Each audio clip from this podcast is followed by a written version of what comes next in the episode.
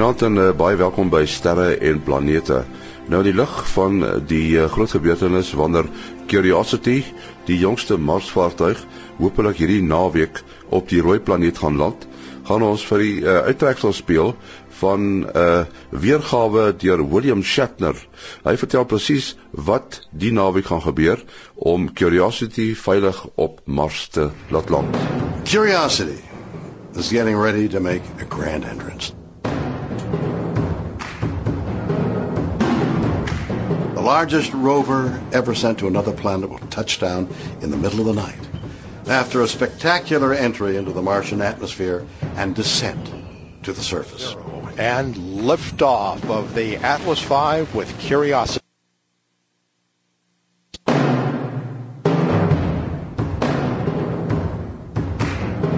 Curiosity is getting ready to make a grand entrance. Largest rover ever sent to another planet will touch down in the middle of the night after a spectacular entry into the Martian atmosphere and descent to the surface. And liftoff of the Atlas V with Curiosity. Curiosity made a picture perfect launch in November 2011, and now, after more than eight months and 350 million miles, it's time to get down to business. But first, Curiosity must get down to that surface safely. When she arrives at Mars, Curiosity has seven minutes to go from 13,000 miles an hour to a soft landing. These so-called seven minutes of terror encompass a sequence of steps that we cannot control or even witness real time because signals take 14 minutes to reach Earth from Mars. Curiosity's heat shield burning at nearly 3,000 degrees Fahrenheit will protect the rover as she slows down rapidly. On the way down, the spacecraft fires thrusters to stay on target for Gale Crater. Then, at 1,000 miles per hour, the chute opens, slowing the spacecraft below the speed of sound. Next, the heat shield is jettisoned, and Curiosity begins looking for the surface with landing radar that lets onboard computers know how far she is above the ground. About five minutes into entry, the spacecraft's moving 200 miles per hour and is about a mile up. The descent stage, with Curiosity tucked underneath, drops from the parachute, fires up its landing engines, and slows the system to a near stop. Curiosity first gets to stretch her legs at approximately two miles per hour, about 60 feet above the ground. With wheels deployed, Curiosity is lowered on the sky crane to the surface. After touchdown, the sky crane's work is done and it is cut loose to fly a safe distance away from our newest rover on Mars. As Curiosity stands up her mast, she will give us our first close-up of Gale Crater, an impact crater 96 miles wide with a three-mile high mountain at its center. The crater's rock layers were laid down and then eroded, showing us a cross-section of Mars history. Liquid water was necessary to form the geology we've seen from orbit. And that makes Gale Crater a great place to look for evidence of places that could have once harbored life. During her two Earth year primary mission, Curiosity will tell us about Mars geology, weather, current radiation levels, which are key to sending humans there someday. The rover's laser will examine rocks and help find places to take samples for the onboard chemistry lab that can identify minerals and organic materials, the building blocks of life. This nuclear powered one ton rover will take us ever closer to examining deep layers of history and perhaps closer to an answer to the ancient question Was there ever life on Mars?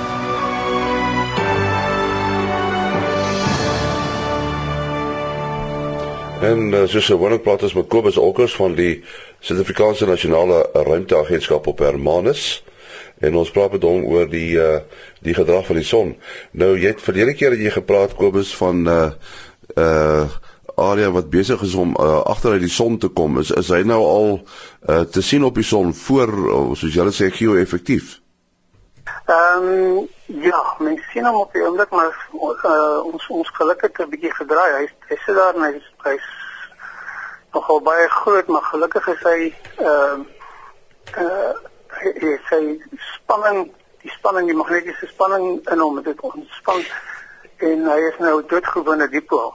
So hy maak die pragtigste ehm um, uitbarstings, maar daar's niks wat uh aarde se kant toe kan kom nie. Om die waarheid te sê, die son herinner, herinner my nou aan hierdie wat mense goed ysterperiek wat full gold. Ehm um, hy is vrot van die kolle, maar daar is absoluut wel amper niks wat wat die wat die aarde nou kan beïnvloed nie. Hulle sit uh hulle sit almal in die vorm van uh, ontspanne dipole daar. Ek het, ek het net nou so met sommer met die blote oog gedek, het ek 15 uh so net net net voor sommer getel. Ehm um, daar's enetjie, hy's hy's nou juist op die die uh die kant van die son. Ehm um, hy is nou die bron van 'n van sekere stuk of 12 of so seeklas vakkels. Ehm um, hy is baie klein maar hy is ongelooflik effektief. Ehm um, ons on, ons uh, vinding met hierdie soort van dinge is dat hy homself of gaan of gaan groei of hy gaan ontspan en ek het 'n vrye hierdie ouetjie gaan gaan ontspan. Ehm um, so hierdie week is die enigste ding wat ons pla is 'n uh, redelike groterige korona gat wat hy nog glad nie so effektief is nie. Ons gaan hom voel ek dink vanaf ek se binne af 7 na 8 dae van nou af. Uh en hy gaan niemand behalwe baie lang afstand uh kommunikasie en soos radioamateurs beïnvloed nie. Goed Kobus, as uh, mense met jou wil skakel, telefoonnommer? Ja, 083 2648038. Dis 083 Baie dankie Kobus Olkers van die Suid-Afrikaanse Nasionale Ruimteagentskap. Ons gesels met uh, Willie Koorts van die Suid-Afrikaanse Astronomiese Observatorium en uh, as jy mens so deur die nuusblaaie en die uh, webwerwe kyk, is die grootste nuus maar eintlik die uh, die poging om Curiosity maandag op op Mars te laat land. Maar wat vir my interessant is, wil hy uh is dat uh, 'n mens 'n radiosein so ver kan stuur en dat dat dit werk want daar's al koerskorreksies aangebring en sovoorts en sovoorts. Uh, wat is so 'n radiosein is dit wat so ver kan trek? Uh ja, nee, ek is nou nie so 'n uh, ekspert op op radio sende nie. Ek het ek het 'n vriend wat 'n radio amateur is. Hy sê vir jou presies tot die grootste detail kan kan sê. Ehm um, hulle hulle gebruik as ek reg onthou taamlike hoë frekwensiebande. Ek is nog glad nie moet die ek sal liewers nie my my my waag daaraan om te sê of dit nou die C-band of die eh, wat ook al band is nie, maar dit is ehm um, gewoonlik redelike hoë uh, uh frekwensie kommunikasie en um dan is dit ook redelik gerig uh so dit is uh, uh wanneer hulle soen toe gesels en en dan selfs terug ook is dit 'n is dit 'n skottel waarmee hulle werk wat natuurlik redelik gerig is en en dan sê jou energie is is redelik ook gerig dat alles alles al jou energie mik in dieselfde rigting as jy nou net dink aan 'n uh, ja as mens in in byvoorbeeld in terme van gewone lig dink as jy 'n as jy 'n uh, lamp uh, uh, net laat brand dan dan uh, skyn die lig reg rondom. En en sodra jy uh, byvoorbeeld soos jy soos jy by jou by jou kar se voor die voorlig sal jy dan nou vir hom 'n weerkaatser agter sit om nou om nou die die lig redelik in een rigting te te gooi. En as jy in misry kan jy mooi sien. En en die soortgelyk aan aan 'n radio dan. Jy jy um, jy hoe meer jy hom rig, uh hoe meer vat jy al daai energie wat reg in die ronde sou uitgestraal het en jy en jy rig dit in in in een rigting. En ehm um, dan jy natuurlik ook baie sensitiewe ontvangers weer op aarde om om dan die syne wat wat terugkom uh wat dan ook met 'n tipe van 'n skottel gedoen word gewoonlik uh dit weer te ontvang. Uh hierso op aarde kan ons natuurlik nou groot antennes sit en ons kan 'n klomp van die radiosyne op opvang en ehm um, maar daarbo wil jy natuurlik nou so min massa as moontlik.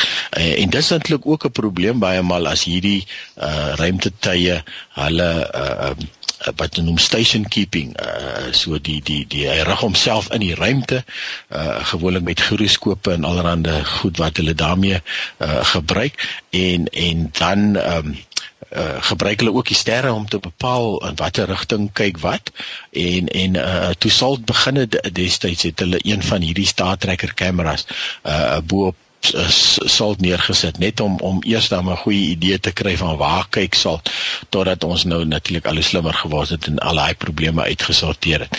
En ehm um, So dis amper 'n kommersiële tipe kamera wat jy kan koop wat jy dan op jou ruimte uh, skipie kan neer uh, jou satelliet kan kan kan koppel uh, uh, en en die ding gaan dan vir jou sê hierdie gedeelte van hom kyk nou presies in daardie rigting deur deur net die net die sterre is 'n eintlik stervelde te herken en en dan te weet te weet waar hy kyk.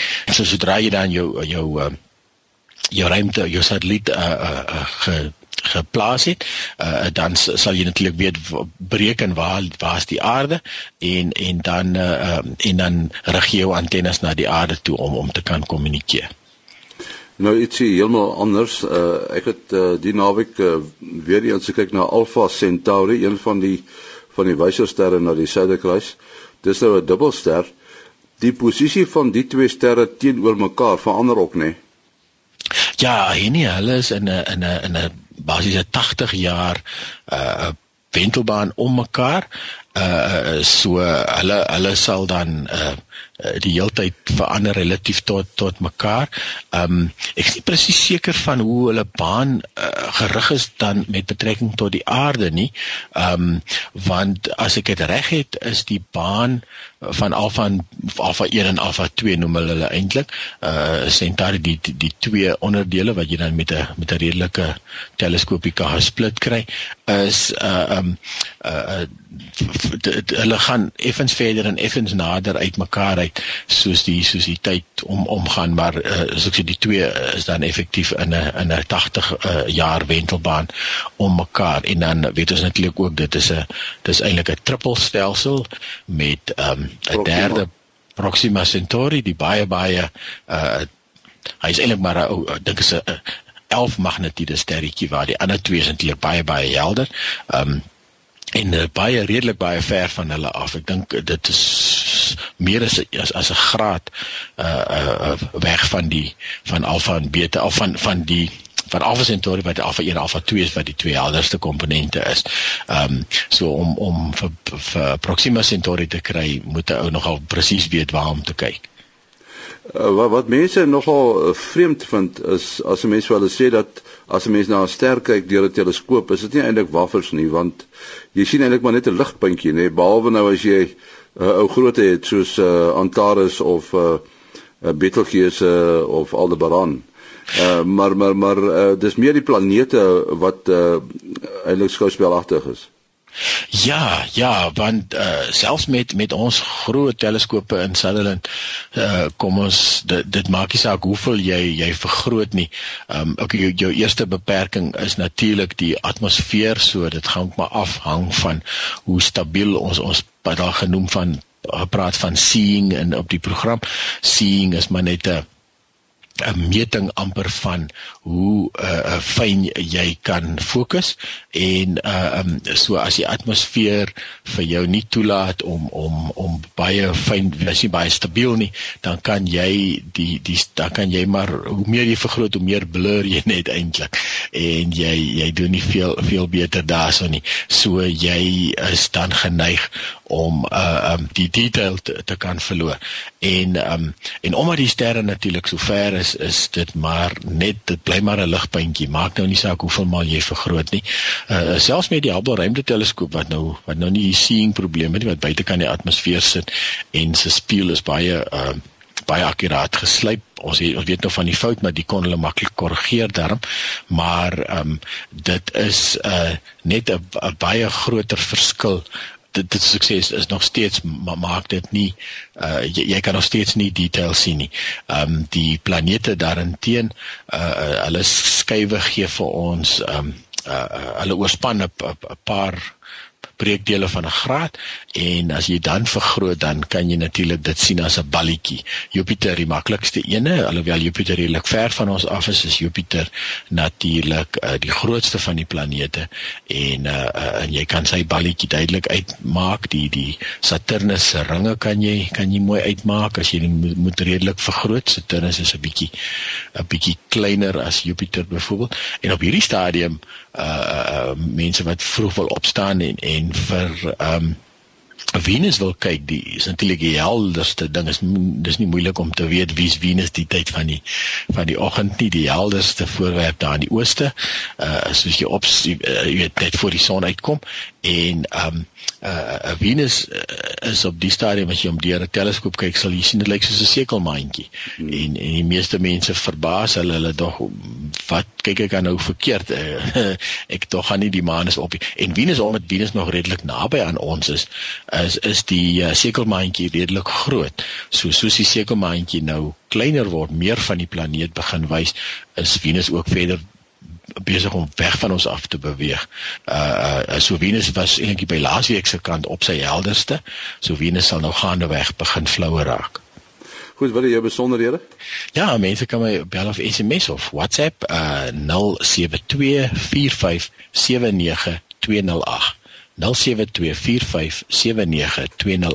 Dankie, wat die koers van die SAAO.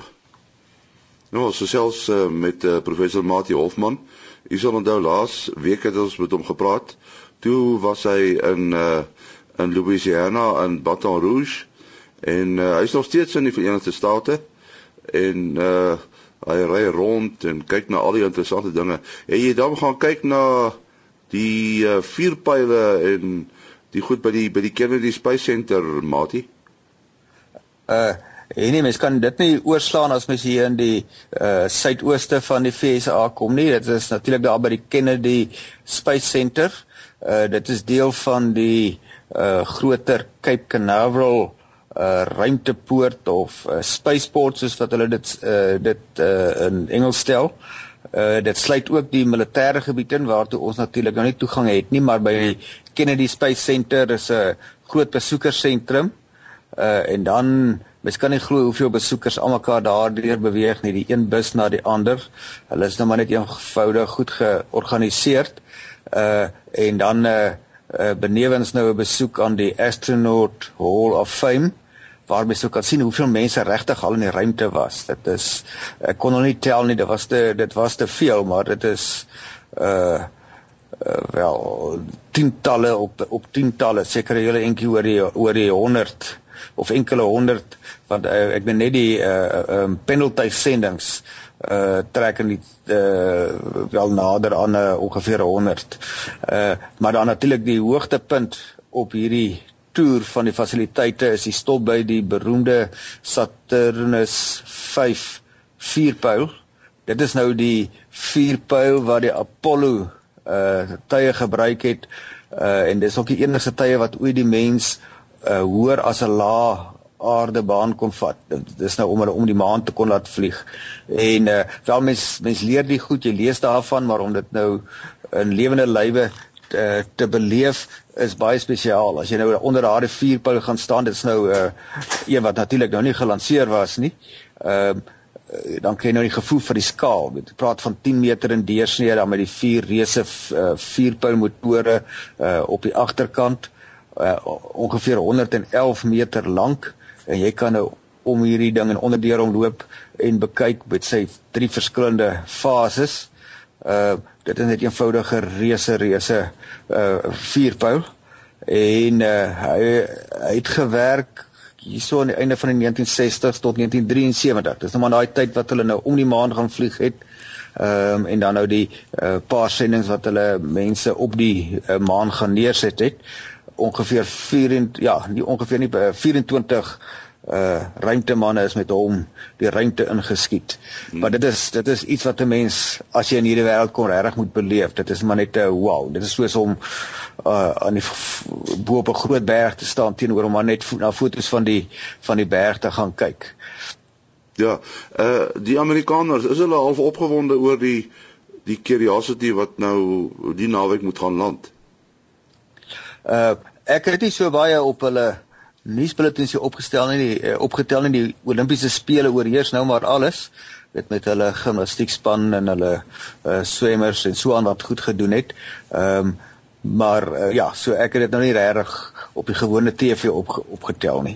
Maar daar's uh, ek uh, verseker die wetenskaplikes want dit is 'n uh, besonderse sending en dit is 'n baie groot uh rover wat hulle daar gaan neersit as mense dit nou gaan vergelyk met die uh Spirit and Opportunity nogal interessant uh daar's so 'n uh, 1 tot 1 skaalmodel van die uh, Mars rovers die wat nou in 2003 al daar geland het. Ons bietjie groter as wat ek gedink het, maar baie klein in vergelyking met die uh Curiosity wat nou dan uh hierso 5 6 Augustus afhangende van waar mens op die aarde is, hopelik op uh, Mars sal land. Jy jy het nou baie kontak gemaak met verskillende mense in in die sterrekunde en ruimtegebied, né? Nee? Uh ja, ons het begin by die uh uh International Planetarium Society se konferensie in Baton Rouge.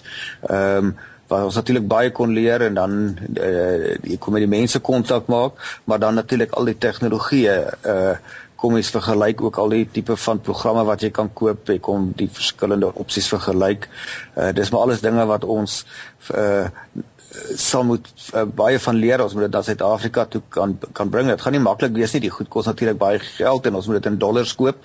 Uh maar 'n uh, land soos uh, soos ons wat groot dinge in die sterrekunde en die ruimte wil doen, uh moet maar probeer bybly. Wel ons kan bybly nou net nie op dieselfde skaal as wat hulle hierso kan doen nie.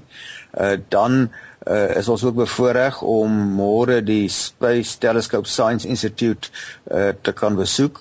Dit is nou die die uh, instituut wat die Hubble teleskoop uh, bestuur en dan ook die uh Kepler teleskoop wat nou na eksoplanete soek wat ook uh, so 2 jaar terug die ruimte ingeskiet is en dan uh is hulle verantwoordelik vir die James Webb Space Telescope wat dan veronderstel is om die Hubble op te volg. Dit is natuurlik nog nie voltooi nie en uh die projek is onder druk weens begrotings uh probleme en so meer. In elk geval ons gasheer gaan uh Dr. Robert Williams wees. Hy is die president van die internasionale astronomiese unie. En uh dis nou nie dat ons so belangrik is nie, maar hulle uh het 'n 'n kantoor wat hulle noem die Office of Astronomy for Development.